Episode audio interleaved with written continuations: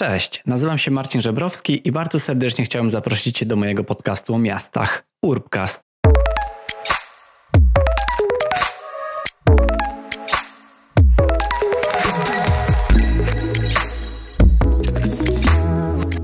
Cześć i witajcie w najnowszym listopadowym odcinku Urbcastu. Dzisiaj jest szczególny odcinek pod tym kątem, że pierwszy raz mam niesamowitą przyjemność zapowiedzieć go w taki sposób, że od teraz możecie mnie wspierać na Patronite. Patronite to jest taka platforma, na której możecie co miesiąc wesprzeć swoich ulubionych wykonawców, artystów, twórców dowolnie wybraną przez siebie kwotą. Dzięki takiej kwocie, dowolnie przez siebie wybranej, ja jako twórca, jako podcaster, będę w stanie rozwijać ten podcast jeszcze bardziej i pozwoli mi to na realizowanie jeszcze większych tematów, czy w jeszcze innych e, formach, czy dodatkowo po prostu będę mógł inwestować w, w cały mój podcast. Zachęcam Was do tego bardzo serdecznie. Nie wiem dlaczego zwlekałem z wejściem na Patronite tak długo, no ale stwierdziłem, że jest to dobry moment na to, żeby po prostu zachęcić Was do tego. Oczywiście jest to całkowicie dobrowolne i będę wdzięczny za każdą dowolną wpłatę, którą od Ciebie otrzymam. I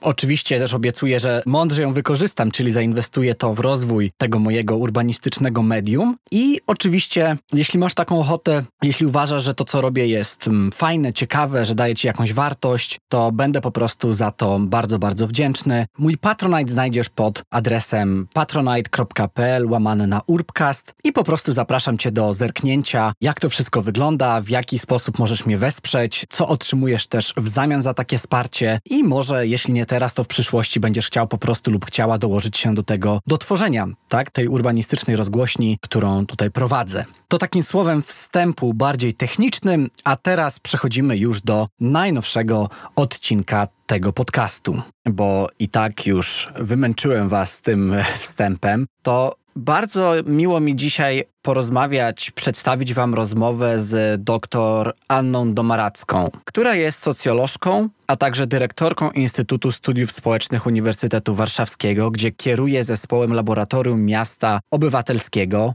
Civil City Lab, a także jest e, między innymi ekspertką w zespole tworzącym strategię rozwiązywania problemów społecznych miasta stołecznego Warszawy 2021-2030. Ja przede wszystkim jestem bardzo wdzięczny za to, że Anna zgodziła się ze mną porozmawiać, a także, że otrzymałem od niej dedykowany egzemplarz jej książki, o której dzisiaj będziemy rozmawiać. Ponieważ porozmawiamy o książce Klucze do miasta, czyli ruch miejski jako nowy aktor w polu polityki miejskiej. Jest to dość świeża książka, wydana właśnie niedawno przez Annę Domaracką i stwierdziłem, że jest to bardzo istotne zagadnienie tym, jak polityka miejska, jak zmiany w naszych miastach, szczególnie w polskich, ale nie tylko, no właśnie, mogą być tak kształtowane oddolnie przez nas, w cudzysłowie, zwykłych e, mieszkańców. I stwierdziłem, że przedstawimy Wam właśnie tą koncepcję, którą Anna opisuje, no i zastanowimy się, kto tak naprawdę ma te klucze do miasta. Zaczynamy od e, tą naszą rozmowę od zastanowienia się właśnie mm, o takim ogólnym prawie do miasta. Mówimy o Henrym Lefebvre, a także mówimy o takiej miejskiej organizacji, mobilizacji, a także kończymy na takich tematach związanych z technologią. Jak technologia wpływa na takie decydowanie o tym, co się dzieje w mieście, czy ona nam pomaga, czy przeszkadza, czy nas wyzwala, czy nas ogranicza. No właśnie, resztę usłyszycie już w najnowszym odcinku. Ja się cieszę, że, że jest taki fajny zbieg okoliczności, że w momencie właśnie ogłoszenia też mojego Patronite'a mam okazję opublikować taki odcinek związany właśnie z taką oddolną mobilizacją, bo mam nadzieję, że też w taki sposób oddolny dzięki Patronite'owi będę, będę mógł otrzymywać to wasze wsparcie i rozwijać się jeszcze bardziej. Ostatnia rzecz w tym przydługim wstępie jest taka, że chciałem was od razu uprzedzić, że jest to rozmowa, którą nagraliśmy w kawiarni i ma to swoje plusy i minusy. Bo oczywiście atmosfera nagrania w takiej kawiarni pozwala na to, że ten charakter rozmowy jest taki właśnie bardzo mm, naturalny, spontaniczny, niemalże taki, jakby się tą naszą rozmowę w tej kawiarni podsłuchało. No ale z drugiej strony wyzwania są takie, że raz na jakiś czas słychać jakieś hałasy w tle, czy na przykład ekspres do kawy, który wielokrotnie przerywał nam naszą rozmowę, ale jakoś udało nam się ją z sukcesem mm, zakończyć. Także zapraszam Was bardzo na tą, moim zdaniem, bardzo ciekawą rozmowę.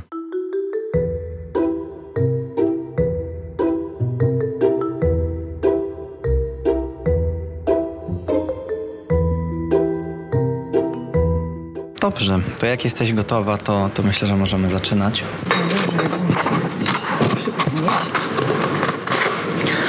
Okej, okay, to zaczynajmy. Zawsze chwilę tego czasu trzeba poświęcić na jakieś techniczne rzeczy przy nagrywaniu podcastu, ale wydaje mi się, że tak, że tutaj wszystko mamy, tu mamy. Tutaj włączyłem na wszelki wypadek e, dyktafon. Dobra.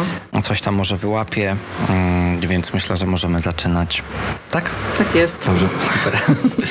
Okej, okay, więc tak, więc e, witam w najnowszym odcinku podcastu, a dzisiaj ze mną jest e, doktor Anna Domaracka. Cześć Anna. Cześć, dzień dobry. Bardzo miło mi, że się widzimy, że się widzimy na żywo, że udało nam się e, wreszcie spotkać.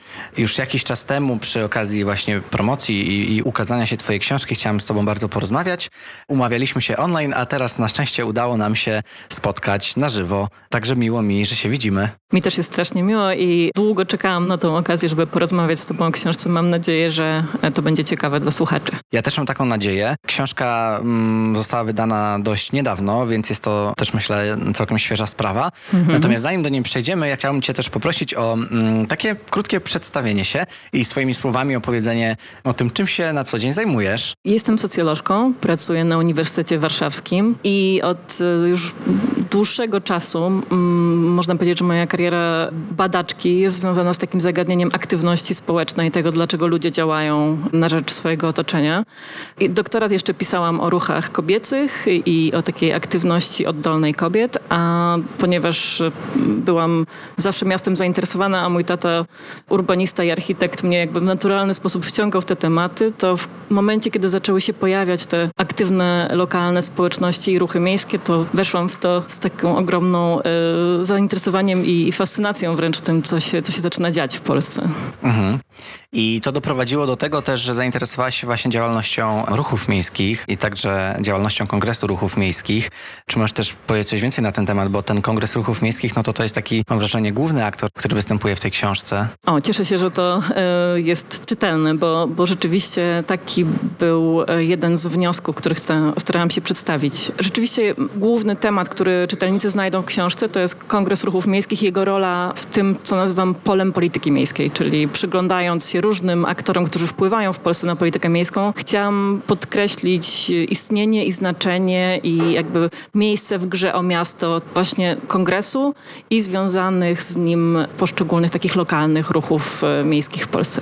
Pamiętam właśnie czytając, że bardzo jasno tak określiłaś tak naprawdę jaki e, wycinek tego miasta badasz, czyli określasz też to pole badań, e, więc, więc no, to mi się wydaje, że tak naprawdę jest, jest bardzo merytorycznie, fajnie zrobiona publikacja naukowa, tak, która się ukazuje w formie książki, ale wciąż jest bardzo przystępna, bo też tłumaczysz te wszystkie pojęcia. Ojej, to bardzo się cieszę znowu, bo to jest jedno z największych wyzwań, starać się napisać książkę naukową, która no, ma w zamyśle jakoś tam spełniać te najlepsze standardy w socjologii, a z drugiej strony, żeby była dostępna właśnie między innymi dla tych osób, o których piszę, tak?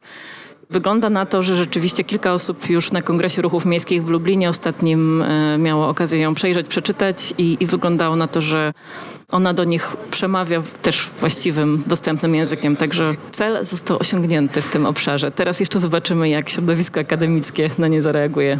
Tak, no to jest też cel tej, tej mojej rozmowy, bo chciałbym e, też słuchaczom i słuchaczkom przedstawić tą książkę, zachęcić do, do zapoznania się, do, do przeczytania, przynajmniej z kawałkiem, przynajmniej e, żeby zacząć też, też lepiej pojmować, jak te, jak te wszystkie grupy, no właśnie, aktywistów, to jeszcze przejdziemy do tego, tak? Jak powinniśmy takie osoby zaangażowane w zmienianie miasta nazywać. Mhm, tak, to dobre pytanie. Mhm. Ale jeszcze, jeszcze zanim e, troszeczkę zostając w takiej bardziej strefie, powiedzmy, no, prywatno-zawodowej, chciałem się ciebie zapytać właśnie, jak w ogóle do tego doszło, bo wspominałaś też o, o twoim tacie, który oczywiście zainteresował cię miastami, ale jak dla ciebie to właśnie wyglądał, jak wyglądał taki proces e, interesowania się tym miastem, bo piszesz o Powiślu też w książce, e, na którym gdzieś tam miałaś okazję e, wychowywać się, przybywać bardzo dużo i także o ulicy Smolnej, mm -hmm. jeśli dobrze pamiętam, na której wszystko się tak, tak wszystko naprawdę się zaczęło. zaczęło tak. Ale powiedz mi, jak to właśnie było z, z takim właśnie docieraniem do tego, czym jest miasto dla ciebie, jak to było z tym Powiślem, no bo mm -hmm pytam też,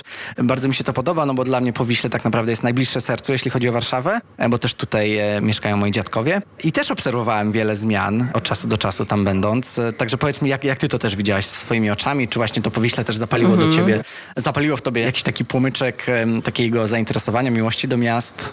Tak, Powiśle coś w sobie ma, prawda? Nie tak. trudno jest y, przejść obok niego obojętnie, bo to jest, to była trudna dzielnica, jak ja byłam y, mała i, i, rzeczywiście mieszkaliśmy na ulicy Smolnej, która jest jakby nad Powiślem jeszcze w pewnym sensie, ale ja na, chodziłam do szkoły na, na Kruczkowskiego i y, moja najlepsza przyjaciółka mieszkała na Radnej, także myśmy cały czas wędrowały tymi uliczkami i tak jak ty, miałam dziadków, którzy mieszkali na Powiślu, u których spędzałam większość czasu, także moje, moje życie dziecięce rzeczywiście się koncentrowało wokół tego obszaru, a potem przez jakiś czas mieszkałam w Podkowie Leśnej i jak wróciłam do Warszawy w czasie studiów, to znowu zamieszkałam na Smolnej, która już wtedy, już wtedy wyglądała inaczej. Także chyba to, co rzeczywiście było takim e, istotnym momentem wciągnięcia mnie w ten, w ten temat, działo się na Smolnej. Smolna jest ulicą bardzo centralną, ale z drugiej strony troszeczkę schowaną, z bardzo ciekawą historią, z i z grupą aktywnych mieszkańców. Tak już z bardzo osobistego punktu widzenia, jedną z inicjatorek tego ruchu na Smolnej była pani, która prowadziła przedszkole, do którego chodziłam. To było takie małe domowe przedszkole. Pani Cholecka nas sprowadzała do parku i, i dbała o to, żebyśmy mieli sporo fajnego czasu e, jako dzieci. A potem, jako osoba, która mieszkała na Smolnej naprzeciwko klubu Labirynt, była jedną z pierwszych osób zbierających takie dane, robiła zdjęcia na temat tego, co tam się wyprawia, bo Klub Labirynt był miejscem, który w ogóle zbudował aktywność na Smolnej, e, miejscem bardzo dla mieszkańców nieprzyjemnym, niewygodnym, e, zaburzającym ten tak zwany mir sąsiedzki. No i pani Cholecka była jedną z tych, które zbudowały opór i zbierała rzeczywiście, pamiętam, dane dla policji na temat tego, co tam się dzieje, tak żeby doprowadzić do zamknięcia klubu, co dopiero po bardzo długim czasie się sąsiadom na Smolnej udało. To był taki początek ich działania, czyli stricte bunt i obrona przed czymś, co na co dzień stanowi no, dyskomfort w, w życiu. Ale ten kapitał wynikający z pewnego sukcesu wokół zamknięcia labiryntu udało się sąsiadom nas przekuć w, w różne inne działania. To taki typowy właśnie przykład, jak tu kapitał społeczny zaczyna się gromadzić, a potem generuje nowe, ciekawe pomysły. I, i naprawdę Smolna jest pod wieloma względami fenomenem. Jak wiele różnych rzeczy się tam wydarzyło, tak? I jak wiele razy można było przeczytać w różnych gazetach na temat tego, co się na Smolnej dzieje, bo nasi sąsiedzi też e, zrobili na przykład jeden z pierwszych ogródków, takich e, guerilla gardeningu, można powiedzieć, e, na jednym z tych podwórek. Czy taki stworzyli... partyzancki tak, ogród, tak? Tak, tak, ogródek partyzancki, dokładnie. Tam pomidory, zdaje się, wchodziły na dach jakiegoś budynku rządowego, więc było na ten temat, pamiętam, taka mini awantura. Oprócz tego stworzyli miejsce spotkań dla sąsiadów. Myśmy, jedną z akcji, w którą ja się osobiście włączyłam, to było e, zmywanie graffiti na ulicy Smolnej. To pamiętam, że kilka godzin żeśmy rzeczywiście szorowali te mury i takie czyszczenie z jednej strony, czyli upiększanie tej okolicy, z drugiej strony wprowadzanie do niego kultury, opowiadanie o historii tego miejsca i, i tworzenie takich okazji do integracji. Tam naprawdę się bardzo dużo ciekawych rzeczy działo.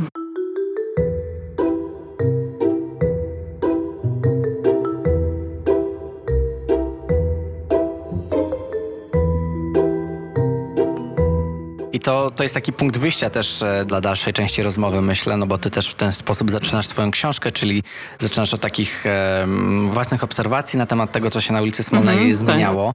Tak. A ciekawi mnie też to, że mówiąc o tym prawie do miasta, tak naprawdę może zaczniemy od um, takiej trochę teorii, żeby też wprowadzać, bo może zanim, e, ja pamiętam, że ty właśnie też pisałaś i też to przed chwilą wspomniałaś, że często te ruchy takie społeczne, miejskie, oddolne, one się kształtowały przeciwko czemuś, czyli że tak. musiało wystąpić coś, co mieszkańców naprawdę wkurzyło, mhm. że oni się zgrupowali i przeciwko czemuś po prostu chcieli zawalczyć. W tym przypadku to był klub tak, nocny, który generował dużo hałasu, różnych e, Dokładnie. bujek, mhm. ale żeby lepiej to zrozumieć, czy to zawsze jest tak, że jakiekolwiek inicjatywy miejskie, czy ruchy miejskie tworzą się przeciwko czemuś lub optując za czymś, czy to jest możliwe do zbadania? Z moich obserwacji wynika, że nie zawsze, ale bardzo często. To jest jeden z takich najłatwiejszych sposobów, żeby ludzi zgromadzić wokół jakiejś sprawy. To znaczy w momencie, kiedy coś, co jest dla nich ważne, jest zagrożone, albo ich komfort, albo na przykład miejsce, które spełnia ważną rolę w ich życiu, powiedzmy zielony skwerek wśród budynków, gdzie mieszkają, to jest coś, co ma tą bardzo ważną funkcję, że łączy ludzi ponad różnymi podziałami. I mimo tego, że nie mają czasu, na co dzień nie interesują się za bardzo swoim otoczeniem, to jak się okazuje, że coś mogłoby się negatywnie zmienić, coś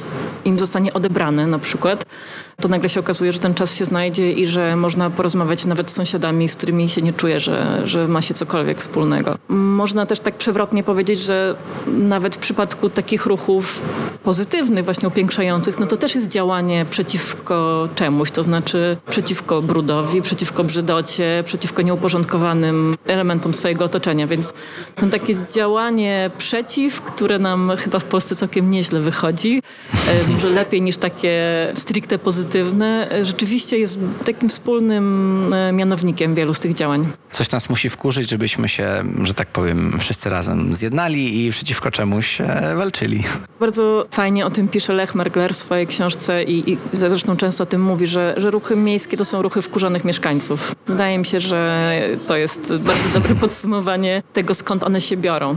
To, że ci mieszkańcy z tego wkurzenia potrafią zrobić coś e, bardzo czasami konstruktywnego i rzeczywiście wprowadzającego nie tylko obronę, ale i pójście do przodu, stworzenie czegoś lepszego, no to jest ich ogromna zasługa i to jest coś, co też powoduje, że z przyjemnością obserwowałam i, i badałam te, te działania. No my tutaj rozmawiamy tak naprawdę o kluczach do miasta, tak jak um, tytuł książki, natomiast oczywiście spróbujmy jeszcze przeciągnąć to troszeczkę, nie odpowiadajmy jeszcze na to pytanie, kto ma te klucze do miasta, e, bo też nie chciałbym e, zbytnio tutaj, że tak powiem, spoilerować efektów e, i zakończenia książki, natomiast e, do tego jeszcze wrócimy, a chciałbym wrócić do tego prawa do, do miasta, bo tak naprawdę prawo do miasta to nie jest e, coś nowego, to jest coś, co, co zostało wymyślone mm -hmm. tak naprawdę, o czym mówił już przynajmniej Henry Lefebvre, a to były lata 70. Mm -hmm. więc, koniec 60. Koniec, koniec mm -hmm. 60., początek 70., więc jakbyś mogli jeszcze o tym prawie do miasta powiedzieć, czy ono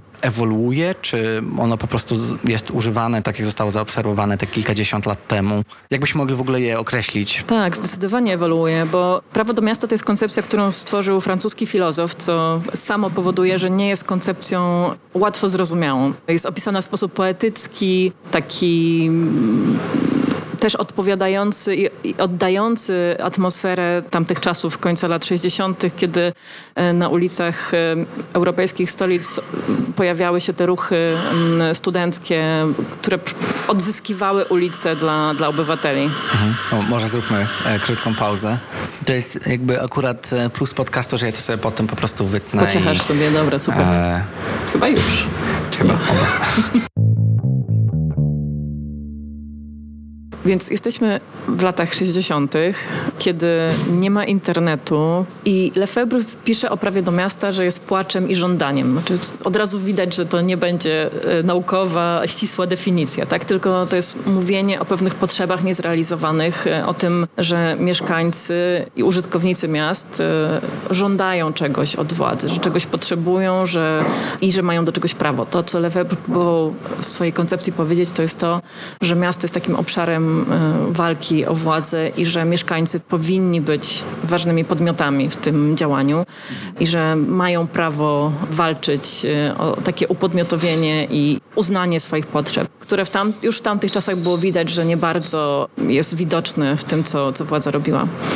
No ale to było naprawdę już dosyć dawno temu. Sporo się zmieniło i zresztą koncepcja prawa do miasta przez jakiś czas nie była tak bardzo popularna. Natomiast e, dzięki temu, że David Harvey napisał swoją książkę, okazało się, że ta koncepcja jest nadal bardzo, bardzo aktualna w kontekście tego, co się działo te kilkanaście lat temu w Nowym Jorku, tak? Czyli z Paryża, powiedzmy, yy, przechodzimy do Nowego Jorku i okazuje się, że ta sama rama pojęciowa, ta koncepcja walki o prawo mieszkańców do tego, żeby na swoje miasta wpływać, żeby w nich przyzwoicie żyć, jest bardzo, bardzo aktualna. I w taki sam sposób można powiedzieć, że, że także polskie ruchy miejskie i polscy aktywiści odkryli prawo do miasta, orientując się w pewnym sensie, że to, co robią, to jest dokładnie to samo, o czym Lefebvre pisał. Więc z jednej strony można powiedzieć, że ta koncepcja jest bardzo nośna i udało się dostosować ją do bardzo różnych kontekstów, ale z drugiej strony trzeba sobie powiedzieć, że trzeba jednak jakoś ją na nowo zinterpretować, bo, bo po pierwsze właśnie nie jest jednoznaczna, nie jest y, opowiedziana wprost,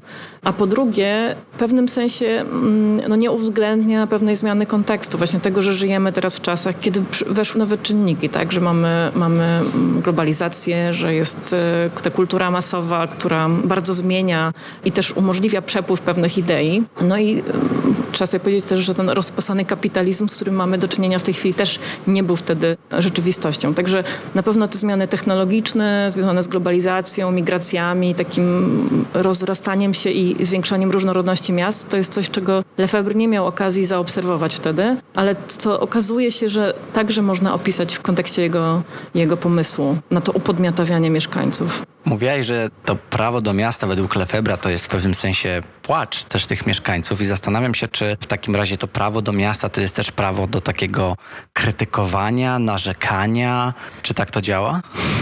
Tak, y, zdecydowanie, no bo bez krytyki nie możemy zacząć zmieniać. Musimy najpierw przyjrzeć się czemuś, temu, co się dzieje i, i pokazać, co jest nie tak. Także ta taka aktywna krytyka jest jakimś początkiem, ale to, co mi się wydaje bardzo istotne i co ruchy miejskie robią, to jest branie odpowiedzialności e, za, za te rozwiązania i branie odpowiedzialności za to, żeby doprowadzać pewne zmiany e, do końca. I w tym sensie też wydaje mi się, że, że wprowadzają taką nową jakość do polskiej sfery publicznej, bo no nie każdy aktywnie działający i wypowiadający się w przestrzeni publicznej aktywista bierze jakąkolwiek odpowiedzialność. Ja mam wrażenie, że tutaj taka konsekwencja i dążenie do tego, żeby rzeczywiście być w tym procesie, nawet e, jeżeli to jest trudne, trzeba iść na jakieś kompromisy, jest taką charakterystyczną cechą wielu z tych obserwowanych przeze mnie aktywistów.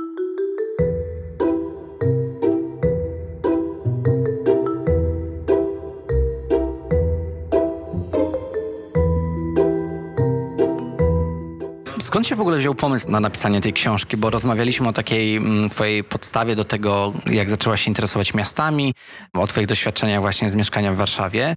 Natomiast kiedy, jak w ogóle pojawił się ten pomysł, ta myśl, żeby, żeby napisać książkę na temat właśnie tej aktywności e, mieszkańców? Mhm. Mogło to mieć pewien związek z tym, że żeby zrobić habilitację z socjologii trzeba napisać książkę, bo ja na temat e, ruchów miejskich piszę już od dosyć dawna w krótszych formach w artykułach. Duża, duża ich część się ukazała w anglojęzycznych czasopismach. Znaczy chyba można powiedzieć, że pomysł na tę książkę się urodził w czasie jednej z wielu moich rozmów z moimi zaprzyjaźnionymi naukowcami ze Sztokholmu, bo ja się ruchami miejskimi e, interesowałam dlatego, że miałam okazję zaobserwować Kongres Ruchów Miejskich w Łodzi, to było w 2011 roku bodajże. Czy to jest ten kongres, gdzie napisałaś też w książce, że po prostu skorzystałaś z otwartego zaproszenia tak, i pojawiłaś tak. się na tym Musiałam kongresie? Musiałam to zobaczyć gdzieś w internecie, zupełnie przypadkiem, a ponieważ robiłam w tym czasie badania ruchów takich sąsiedzkich czy organizacji sąsiedzkich w Warszawie, no to wydawało mi się, aha, to ja tutaj badam organizacje sąsiedzkie w Warszawie,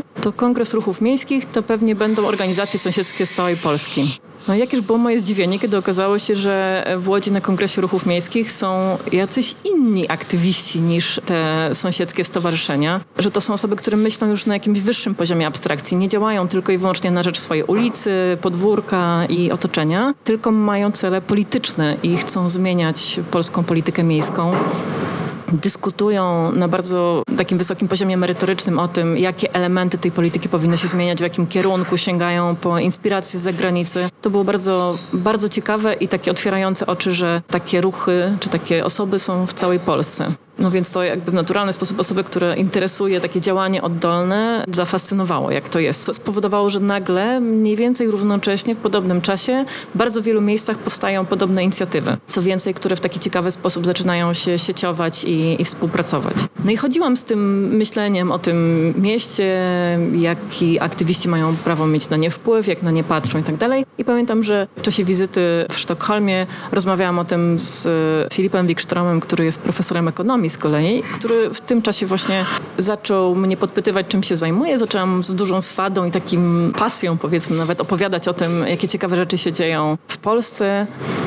A on mówi tak, aha, czyli możesz na to patrzeć jako na nowego aktora, który wchodzi w obszar pewnych działań. I zaczęliśmy dyskutować o tym, jak można do tego podejść teoretycznie. Niedługo później napisaliśmy wspólnie pierwszy artykuł, którym tą teoretyczną koncepcję staramy się wyłożyć. Ona jest właśnie wynikiem naszych dyskusji o tym, w jaki sposób najlepiej opisać tak dynamiczny obszar jak, jak pole polityki miejskiej. Także na pewno niezwykle istotne dlatego, że się tym zajęłam jest to, że z jednej strony mogłam obserwować to, co się dzieje w Polsce, a z drugiej strony mogłam wyjść z tego kontekstu i z kimś zupełnie z zewnątrz starać mu się to opowiedzieć i dzięki temu w sposób może trochę bardziej abstrakcyjny, systemowy starać się opisać to naukowo. Także e, to na pewno było istotne. A potem dalej z tym pomysłem jeździłam, miałam okazję dosyć dużo podróżować w tamtym okresie i gdzie nie pojechałam, natykałam się na różne objawy takiego zawłaszczania miasta, czy gry o miasto, czy właśnie starań o odzyskanie prawa do miasta. No i strasznie mnie to wciągnęło i, mm, i to, co było chyba wtedy też bardzo istotne, to jest to, że mimo tego, że byłam i, i w Stanach, i w Indonezji, i w Argentynie, i w wielu innych miejscach na świecie, nigdzie nie znalazłam czegoś tak dobrze zorganizowanego jak Kongres Ruchów Miejskich w Polsce. Znaczy zawsze można znaleźć, zwłaszcza w Europie, różnego rodzaju organizacje i ruchy, które posługują się też hasłem prawa do miasta. Natomiast nigdzie nie znalazłam takiej sieci, która by w tak, no właściwie niezwykle sprawny i, i strategiczny sposób działała na rzecz prawa do miasta. A co mogło stać za taką właśnie bardzo dobrze zorganizowaną, zmobilizowaną strukturą, tak? No bo jednak Kongres Ruchów Miejskich, tak jak mówisz, wyróżnia się tym zorganizowaniem, ale w pewnym sensie, no to też pewnie musiał być jakiś proces. Te, te wszystkie osoby w to zaangażowane też przez te wiele lat musiały się uczyć. Pamiętam, że jeden z postulatów, który został ogłoszony na jednym z tych kongresów, chyba pierwszym lub drugim, było to, żeby stworzyć na przykład takie ministerstwo miasta, tak? Ale, ale te pomysły muszą się też z czegoś brać. To podejrzewam, że potrzeba zbudowania też takiej pewności siebie, żeby te żądania naprawdę wynieść, tak jak mówię, z tych lokalnych obszarów na szczebel no, krajowy, tak? Tak. To rzeczywiście jakby za tym sukcesem się pewnie kryje kilka czynników. Z jednej strony mam wrażenie, że dosyć określona,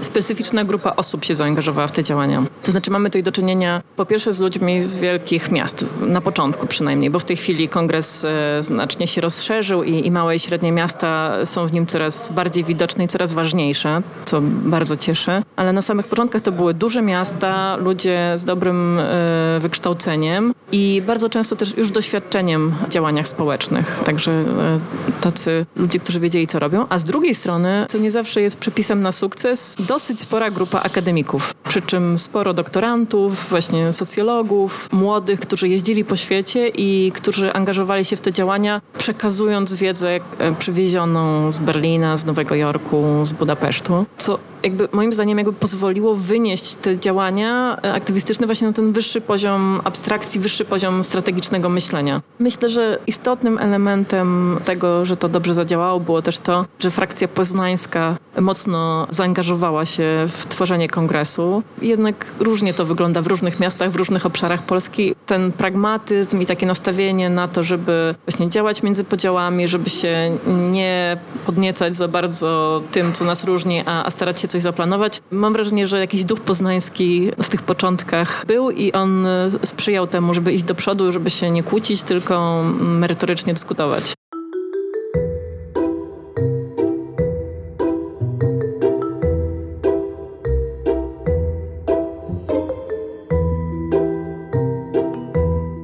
Myślę też nad tym, jak mm, troszeczkę rozbić to na czynniki e, pierwsze, bo rozmawiamy właśnie o, o tej mobilizacji, o tym, że było też dużo wiedzy przyniesionej z zewnątrz, z innych mhm. krajów i to, to pewnie też pomogło w konstruowaniu właśnie ruchów miejskich. Ale zastanawia mnie to, jak ktoś, kto właśnie zaczyna się tak naprawdę edukować na temat tej przestrzeni dookoła, dookoła siebie, czyli wracając może jeszcze raz do Stowarzyszenia Mieszkańców przy ulicy Smolnej, bo to też gdzieś się zaczęło, prawda? Ktoś poczuł się się, tak jak mówiłaś, e, pani, e, która e, tak, pani Cholecka. posiadała to przedszkole, w pewnym sensie zaangażowała się i stała się takim lokalnym liderem i ty o tych liderach również piszesz. Natomiast zanim się ktoś może stać liderem, na pewno gdzieś musi zacząć i zastanawia mhm. mnie to, jak ktoś, kto nas słucha, czy może ktoś słuchający nas ma też oczywiście inne osoby, sąsiadów, z którymi chciałby coś zrobić, tak? mhm. tak? Może niekoniecznie musi być to od razu ruch miejski, czy dołączenie do takiego ruchu, ale jak takie osoby, to jest określenie, że tak powiem dość newralgiczne, ale ten zwykły, tutaj w mhm. cudzysłowie mieszkaniec tak. E, może się zaangażować, tak? Czyli jak uczyć się takiej mobilizacji, takiej edukacji na temat tego, że no my jednak jako mieszkańcy swoich miast mamy wpływ na to, jak one wyglądają.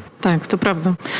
Ach No, myślę, że taka pięciominutowa recepta to może się nie udać, ale ja bym właśnie na to też spojrzała bardziej systemowo. To znaczy, jeżeli chcemy, żeby mieszkańcy miast e, w sposób konstruktywny działali na rzecz dobra swojego, swojego otoczenia i miast w ogólności, to powinniśmy teraz bardzo mocno zastanowić się nad tym, jak przygotowujemy dzieci i młodzież do dorosłego życia w naszych miastach. I taka edukacja do demokracji miejskiej, do tego, żeby być świadomym, aktywnym obywatelem, który nie tylko umie, ale też chce i widzi sens brania odpowiedzialności za swoje otoczenie, no to jest ogromne zadanie, które stoi przed nami. Wydaje mi się, że, że te dotychczasowe działania, które jednak przyniosły kilka sukcesów, mogą ludzi zachęcać, tak? Bo z drugiej strony, jak się rozmawia z aktywnymi obywatelami, to bardzo często oni są e, zgorzkniali. Nie tylko są wkurzeni, ale często są też zgorzkniali, bo mają poczucie takiego walenia głową w mur, tego, że bardzo wiele inicjatyw, e, gdzie się angażuje masę ludzi, potem na takim poziomie politycznym, realnym, kiedy się na przykład przychodzi z jakimś inicjatywą obywatelską, e, zostaje zamiecione zupełnie gdzieś w kąt i wyrzucone. Więc temu trzeba na pewno przeciwdziałać. Wydaje mi się, że, że to idzie od góry, tak? To znaczy, jeżeli uda nam się zabezpieczyć ten system także i prawny przed takimi sytuacjami, kiedy obywatele w ogromnej liczbie nie są wysłuchiwani, to także i ci na dole będą chcieli bardziej działać. Będą mieli poczucie, że mają sprawczość, że rzeczywiście razem jest sens coś robić. Bo my jesteśmy wszyscy bardzo zajęci. No, znaczy, kto z nas chce się angażować w coś, co jest skazane zupełnie na, na porażkę? Mhm. To jest no jedna tak. rzecz, tak. A, a, druga rzecz to jest związana z tak zwaną narracją konkretną, o której ja też dosyć dużo piszę w książce. To jest też pomysł Lecha Merglera i chyba bardzo, bardzo celna obserwacja o tym, co powoduje, że taka mobilizacja działa. A, a mianowicie trzeba się skupić na konkrecie. To musi być e, temat, który jest bliski większej grupie mieszkańców, który wiąże się z jakąś bardzo konkretną potrzebą albo zagrożeniem, jak już mówiliśmy. To, to jest łatwe. Czyli przykładowo znane pojęcie NIMBY, tak? Czyli tak, not tak, in my backyard, czyli jeżeli coś, co może negatywnie na nas wpłynąć, czyli na przykład jakaś fabryka, mhm. która może się właśnie ulokować niedaleko naszego domu, w naszym sąsiedztwie, to my jesteśmy w stanie się bardziej wtedy zmobilizować, żeby przeciwko temu tak, i, walczyć. I są, I są takie specyficzne grupy mieszkańców, które mają trochę większy potencjał do mobilizowania się ze względu na to, że na przykład poznają się w naturalny sposób. Zawsze się podkreśla znaczenie e, na przykład posiadania psów albo małych dzieci dla takiego naturalnego kleju społecznego. Tak? Jeżeli wychodzimy z psem, często spotykamy innych psiarzy, e, czasami trzeba się porozumieć, żeby one albo, bo one się zaprzyjaźniają ze sobą. Przebywa się w tej samej przestrzeni w określonych godzinach. E, podobnie jest, jak się ma małe dzieci, wyjeżdża się z tym wózkiem, przesiaduje, nawiązują się takie spontaniczne rozmowy. No i ma się te wspólne potrzeby, tak? bo potrzebna jest ci przestrzeń bezpieczna dla twoich dzieci. Więc wydaje mi się, że to jest jedna z takich grup, które trochę łatwiej im jest się zmobilizować, bo się znają już trochę z widzenia.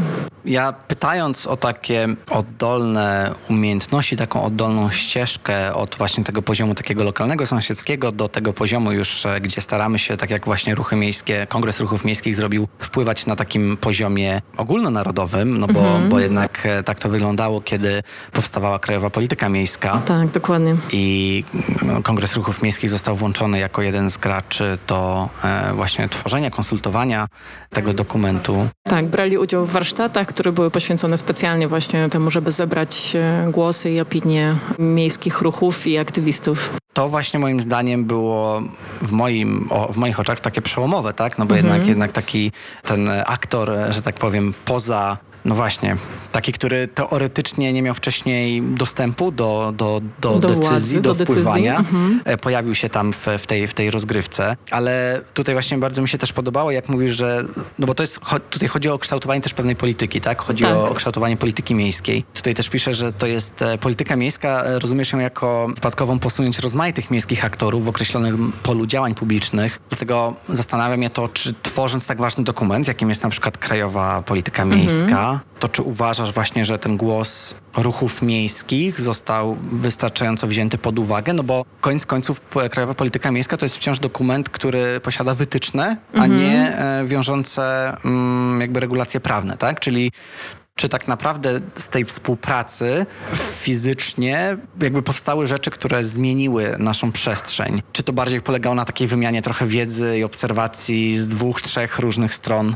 No, to jest y, bardzo celne pytanie, bo wydaje mi się, że, że sam dokument, mm, chociaż na pewno nie jest doskonały, to, to był w pewnym sensie satysfakcjonujący i odpowiadał na, y, na postulaty, przynajmniej część postulatów ruchów miejskich, które w ogóle przypominam, że one na bieżąco komentowały i przygotowywały w taki sposób bardzo profesjonalny komentarze i uwagi do kolejnych wersji, do, jeszcze do, do tych wstępnych założeń do, do krajowej polityki miejskiej. Więc y, tutaj ministerstwo miało z czym pracować. Tak? To były konkretne propozycje, nie tylko krytyka właśnie taka uogólniona. Natomiast wydaje mi się, że, że kłopot z krajową polityką miejską jest taki, że ona jest właśnie zahaczona w miejscu, w którym nie jest obowiązkowa i nie powoduje takiej realnej zmiany politycznej. Jest raczej wprowadzeniem pewnego sposobu mówienia o mieście, w nadziei, że przy dobrej woli rządu, no to jest tutaj przepis na to, jak robić e, politykę miejską przez najbliższe lata w Polsce. Ale to tylko i wyłącznie zależy od tego, czy rząd jest zainteresowany tym, żeby pójść w tym kierunku, wykorzystać efekty tej pracy. I trudno mi powiedzieć, wydaje mi się, że, że w tym sensie, no ja przynajmniej nie widzę zainteresowania krajową polityką miejską w tej chwili. Mam wrażenie, że, że ona nadal jest aktualna i zawiera pewne ważne zapisy, więc y, istnieje obawa, że w momencie, kiedy nie jest to właśnie ustawa, tylko, tylko dokument rządowy, to będzie miał, będzie stał na półce jako jakby efekt pewnej pracy i jakiś ciekawy plan, czy instrukcja, jak dobrze by było, żeby miasta się w Polsce rozwijały, no ale niekoniecznie ktokolwiek musi z tego korzystać. Ale to, co na pewno się wydarzyło, i to jest tak, że oczywiście no, dokument żyje swoim życiem, będzie mniej lub bardziej wykorzystywany przez kolejne osoby mm, u władzy, ale sam proces tworzenia mi się wydaje, że był niezwykle istotny, że to był taki proces wzajemnego słuchania się i poznawania, który mam wrażenie, że udało się trochę też przełamać pewne stereotypy. To znaczy, że okazało się nagle, że ta strona społeczna, że ruchy miejskie to nie jest wróg, tylko to jest ktoś, to jest grupa ludzi, którzy, którym po pierwsze bardzo zależy, e, a po drugie e, mają różne bardzo ciekawe, merytoryczne pomysły. I z drugiej strony, ze strony ruchów miejskich, dzięki temu, w jaki sposób się zachowywał zespół kierowany przez Rajmunda Rysia, e, znaczy, że Rajmund przyjeżdżał na kongresy, opowiadał o co chodzi, dlaczego, dlaczego jeszcze coś nie, nie zostało ogłoszone, na przykład jak wygląda ten proces, zapraszał na, na warsztaty. Wydaje mi się, że ten zespół naprawdę włożył bardzo dużo wysiłku w to, żeby ten proces był uspołeczniony i otwarty i żeby był merytoryczny. I, I to spowodowało moim zdaniem jakby też przeniesienie dyskusji na temat polityki miejskiej na inny poziom. Mniej awanturniczy, a bardziej e, na zasadzie rozmowy, negocjowania, czyli tak jak robi się, czy powinno się robić politykę. Czyli w tym polu wreszcie pojawił się dialog, e, można by powiedzieć. Przynajmniej na jakiś czas. Przynajmniej na jakiś czas. Chciałbym spróbować odpowiedzieć na takie tytułowe pytanie zarówno książki, jak i, jak i tego odcinka, czyli mhm. kto ma tak naprawdę te klucze do miasta, ale zanim Czym w ogóle są te klucze do miasta, twoim zdaniem? No ja się tutaj odwołuję do tej metafory średniowiecznej, to znaczy tego, że to włodarz czy władca miasta, przykład książę czy wojewoda, otrzymywał symboliczne klucze do miasta, które były po prostu takim ucieleśnieniem tego, że to on ma władzę, tak? To on może otworzyć bądź zamknąć bramę miasta na pewne zmiany. I tak to rozumiem, tak? To znaczy, że ten klucz do miasta to jest coś, co pozwala nam kierować przyszłością, e, tym w jakim kierunku będzie, będą miasta się rozwijały. To jest jedno rozumienie. A drugie jest rozumienie takie, że no, przez klucz często rozumiemy takie, że potrafimy coś rozgryźć, tak? Mam do tego klucz. I wydaje mi się, że w tym sensie właśnie ruchy miejskie klucz do miasta mają, bo potrafią miasto nie tylko lepiej zrozumieć od niejednego polityka czy dewelopera, ale potrafią też o tym opowiedzieć i potrafią iść za tymi wnioskami. Czyli jest ten klucz władzy i klucz wiedzy. Tak bym chyba do tego podeszła. I o tych dwóch aspektach starałam się właśnie opowiedzieć i pokazać, no, czy to jest jeden klucz, czy to jest wiele kluczy. No tak i myślę, że tutaj nie będzie to ogromnym zaskoczeniem, ale spróbujmy jeszcze odpowiedzieć właśnie na to pytanie, kto te klucze w tym momencie ma. No ja próbowałam się wymigać od tej jednoznacznej odpowiedzi, bo y, no niestety nie można powiedzieć, że w Polsce mieszkańcy, czy ruchy miejskie, czy, czy użytkownicy miast y, mają władzę. Natomiast można powiedzieć, że mają więcej do powiedzenia i że udało im się zmienić sposób mówienia o mieście i opowiadania o tym, w jaki sposób taką politykę miejską robić. Czyli moim zdaniem udało im się Yeah. Takie zwycięstwo symboliczne osiągnąć w tym obszarze, przynajmniej w pewnym momencie. To oczywiście jest bardzo dynamiczny proces i, i trzeba dbać o to, żeby tą pozycję istotnego zmieniacza narracji mieć, ale ogólnie rzecz biorąc mam wrażenie, że tych kluczy do miasta w tej chwili mamy kilka. Także ze względu na to, że miasta stały się takimi bardzo złożonymi układami, w których krzyżuje się bardzo wiele interesów. Jest bardzo wiele też grup mieszkańców, więc nie można powiedzieć, że aktywiści miejscy reprezentują potrzeby każdego mieszkańca. To jest to, z czym w tej chwili ruchy miejskie się zresztą zmagają, to znaczy co zrobić z innymi mieszkańcami, którzy przychodzą i mówią, no ale my nie chcemy mieć tych ścieżek rowerowych i tych drzew. Jak to jest, że zabieracie nam miejsca parkingowe, tak? My też jesteśmy ruchem miejskim, tylko mamy zupełnie inne, inne cele, bardziej zachowawcze. Także jeżeli chodzi o, o Twoje podstawowe pytanie, kto ma w tej chwili klucz do miasta, to wydaje mi się, że ten klucz do miasta się trochę rozmył. To znaczy, ani władza publiczna do końca nie ma pełnej kontroli i możliwości zmieniania miasta. Bardzo ważnym aktorem stali się inwestorzy czy deweloperzy. I oni rzeczywiście w ostatnich latach mieli ogromny wpływ na miasto, ale jest on ograniczony tym, co robi administracja publiczna w dużej mierze. Przynajmniej jeżeli administracja publiczna robi to, co do niej należy, to znaczy właśnie stara się regulować działanie tej sfery prywatnej. I do tego układu dwóch sił prywatne-publiczne wszedł ten trzeci aktor społeczny z zupełnie nową narracją i właśnie powiedziałabym z tym trzecim kluczem, to znaczy, który nagle uświadomił wszystkim, że nie można rządzić miastem bez uwzględnienia potrzeb mieszkańców, którzy gdzieś tam mm, gdzieś zniknęli za mgłą, mam wrażenie, niektórym rządzącym, a w przypadku deweloperów są raczej określani grupą klientów, tak, a nie, nie mieszkańców. Chyba komplikuje trochę sprawę, bo naprawdę odpowiedź nie jest taka prosta. To, co chyba jest w, w tym momencie najważniejsze, to jest to, że kluczy do miasta jest kilka i grupy podstawowych aktorów, o których piszę, czyli administracji publicznej, prywatnych inwestorów i deweloperów, projektantów, czyli przede wszystkim urbanistów i architektów, a także ruchów miejskich, że każda z tych grup ma swój klucz do miasta, ma jakiś kawałek tej układanki, która jeżeli udałoby się te wszystkie klucze naraz jakby zastosować i przekręcić we właściwym kierunku, to mamy szansę na to, żeby miasta się rozwijały naprawdę w sposób optymalny. Natomiast ponieważ każdy ma swój i ciągnie w swoją stronę i jest to gra dosyć dużych interesów, to nie jest to oczywiście taki płynny i idealny proces, jak byśmy sobie życzyli.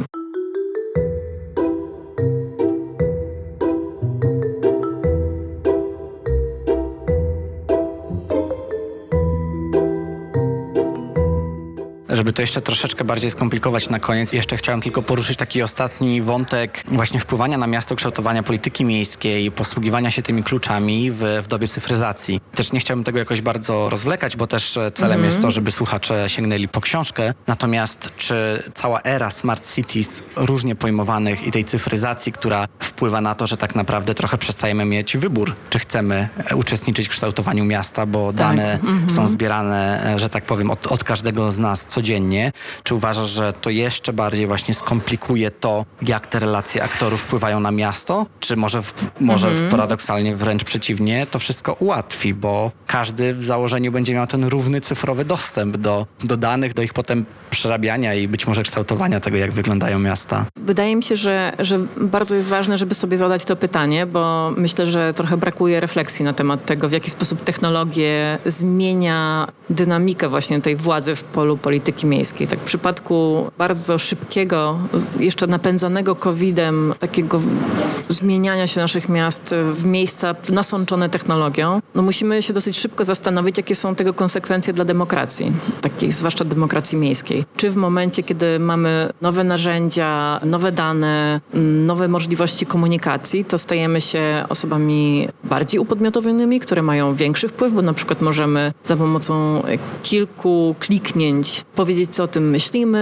może nawet zdecydować, na co pójdą pieniądze, tak? Czy jesteśmy w tym momencie, właśnie mamy większą władzę, większy wpływ? Czy to jest jednak tak, że, że stajemy się takimi pasywnymi gdzieś punktami danych, na podstawie których wymyśla się pewne polityki, ale w gruncie rzeczy one mają taki charakter zbliżony do komercyjnych, tak? To znaczy tworzy się pewien produkt, przekazuje go um, i że jesteśmy jeszcze bardziej ubezwłasnowolnieni i, i bynajmniej nie jesteśmy traktowani jako podmiot. Ja, ja troszeczkę się tak krytycznie skłaniam do tej bardziej e, pesymistycznej wizji. Stąd między innymi pomysł na, na grant, na projekt, który w tej chwili realizujemy w naszym zespole Laboratorium Miasta Obywatelskiego, który mówi o cyfrowym prawie do miasta, tak? czy prawie do inteligentnego miasta. I my się przyglądamy temu, e, jak na różnych płaszczyznach, na płaszczyźnie polityki miejskiej, jakości życia, oddolnej aktywności, ale też nawet takiego e, psychologicznego, dobrego czucia się w mieście, jaki wpływ mogą mieć na te obszary technologii, zarówno w obszarze otwierania pewnych możliwości, i korzyści dla obywateli,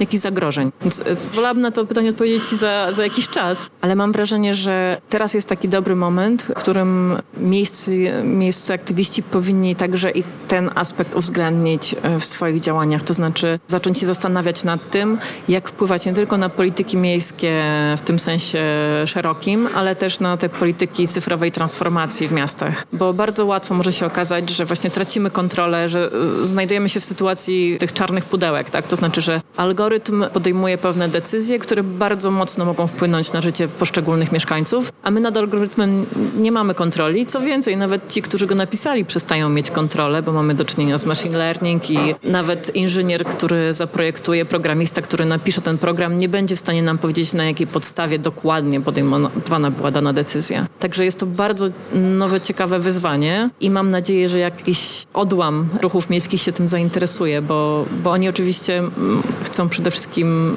działać dalej bardzo lokalnie, na, jakby po prostu starać się walczyć o prawo do miasta, ale chyba dobrze by było, żeby to prawo do miasta zawierało ten, ten aspekt związany z technologiami. Wybrnęłaś na koniec, ja jestem optymistą, więc e, bardzo chciałbym uniknąć zostawiania słuchaczy z taką ponurą wizją, że jesteśmy tylko cyferką w, w cyfrowym systemie. Nie musimy być, ale trzeba świadomie działać na rzecz tego, żeby założyć pewne bezpieczniki w tych technologiach, które powstają. To znaczy nie zostawiać tego siłą rynku, bo w tej chwili to przede wszystkim różne e, firmy konsultingowe przychodzą do miast i sprzedają im te polityki smart city. Nie ma w tym demokratycznej kontroli, nie ma za bardzo dyskusji, bo miasta po prostu chcą być smart i cool i jakoś budować markę wokół tego, jak bardzo są nowoczesne. Na koniec e, chciałbym cię zapytać jeszcze o polecenie książki lub publikacji, którą mogłabyś się podzielić e, ze słuchającymi. Bardzo długo się nad tym zastanawiałam, ale e, chyba wrócę do książki, która miała bardzo duże znaczenie dla tego, jak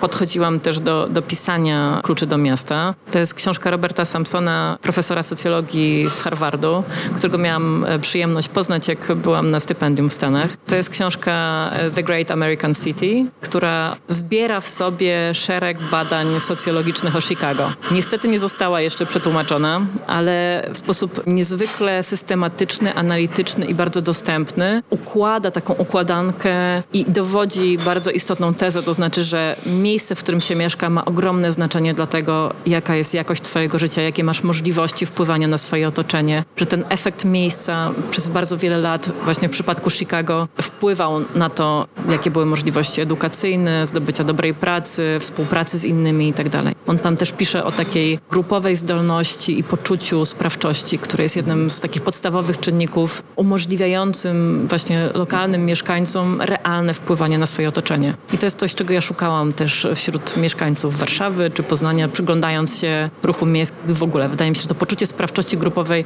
jest jednym z takich e, podstawowych kluczy do tego, żeby mobilizować e, mieszkańców. A gdzie słuchacze, słuchaczki mogą mm, śledzić Twoje i Twojego zespołu działania w internecie, gdzie mogą też znaleźć książkę po naszej rozmowie, jak są już e, zachęceni do tego, to gdzie mogą, że tak powiem, szukać dalej? Książkę widziałam już w kilku księgarniach, ale, ale pewnie zawsze najlepiej u źródła w wydawnictwie naukowym Scholar. Natomiast to, co my robimy, bo zajmujemy się jeszcze kilkoma innymi rzeczami związanymi z miastem, jakością życia i politykami miejskimi, to bardzo zapraszam do śledzenia strony facebookowej naszego zespołu Civil City Lab, czyli właśnie Laboratorium Miasta Obywatelskiego. Część informacji pojawia się też na stronie Instytutu Studiów Społecznych, którego mam przyjemność być obecnie dyrektorem i na pewno wszystkie publikacje czy informacje m, takie związane z naukowymi efektami naszej pracy można też znaleźć na, na profilu Akademia EDU, gdzie staram się wrzucać wszystkie artykuły i, i dzielić się szerzej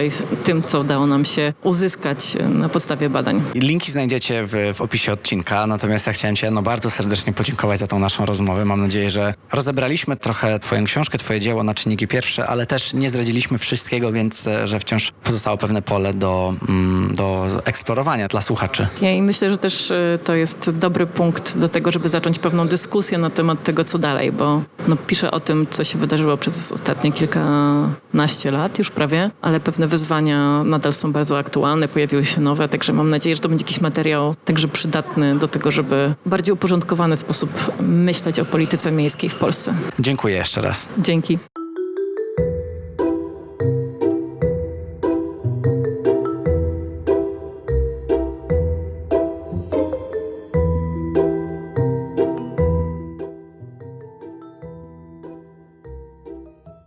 Dziękuję Tobie bardzo za przesłuchanie tego najnowszego odcinka podcastu. Mam nadzieję, że kawiarnia i jej odgłosy w tle nie wybiły Cię całkowicie z, z takiego zanurzenia się w tym odcinku. Mam nadzieję, że ta rozmowa była dla Ciebie ciekawa, interesująca i że zachęciliśmy Cię do, do sięgnięcia po e, najnowszą książkę mm, dr Anny, czyli Klucze do miasta. Jeszcze raz tylko wspomnę na koniec, że jeśli to, co tworzę, ci się podoba, odpowiada, widzisz w tym wartość, to bardzo serdecznie zapraszam cię na Urbcast, na Patronajcie, gdzie możesz mnie wesprzeć dowolnie wybraną przez siebie kwotą, a ja dzięki temu będę mógł tworzyć swoje materiały dalej w jeszcze większej, lepszej formie. Dzięki wielkie, do usłyszenia.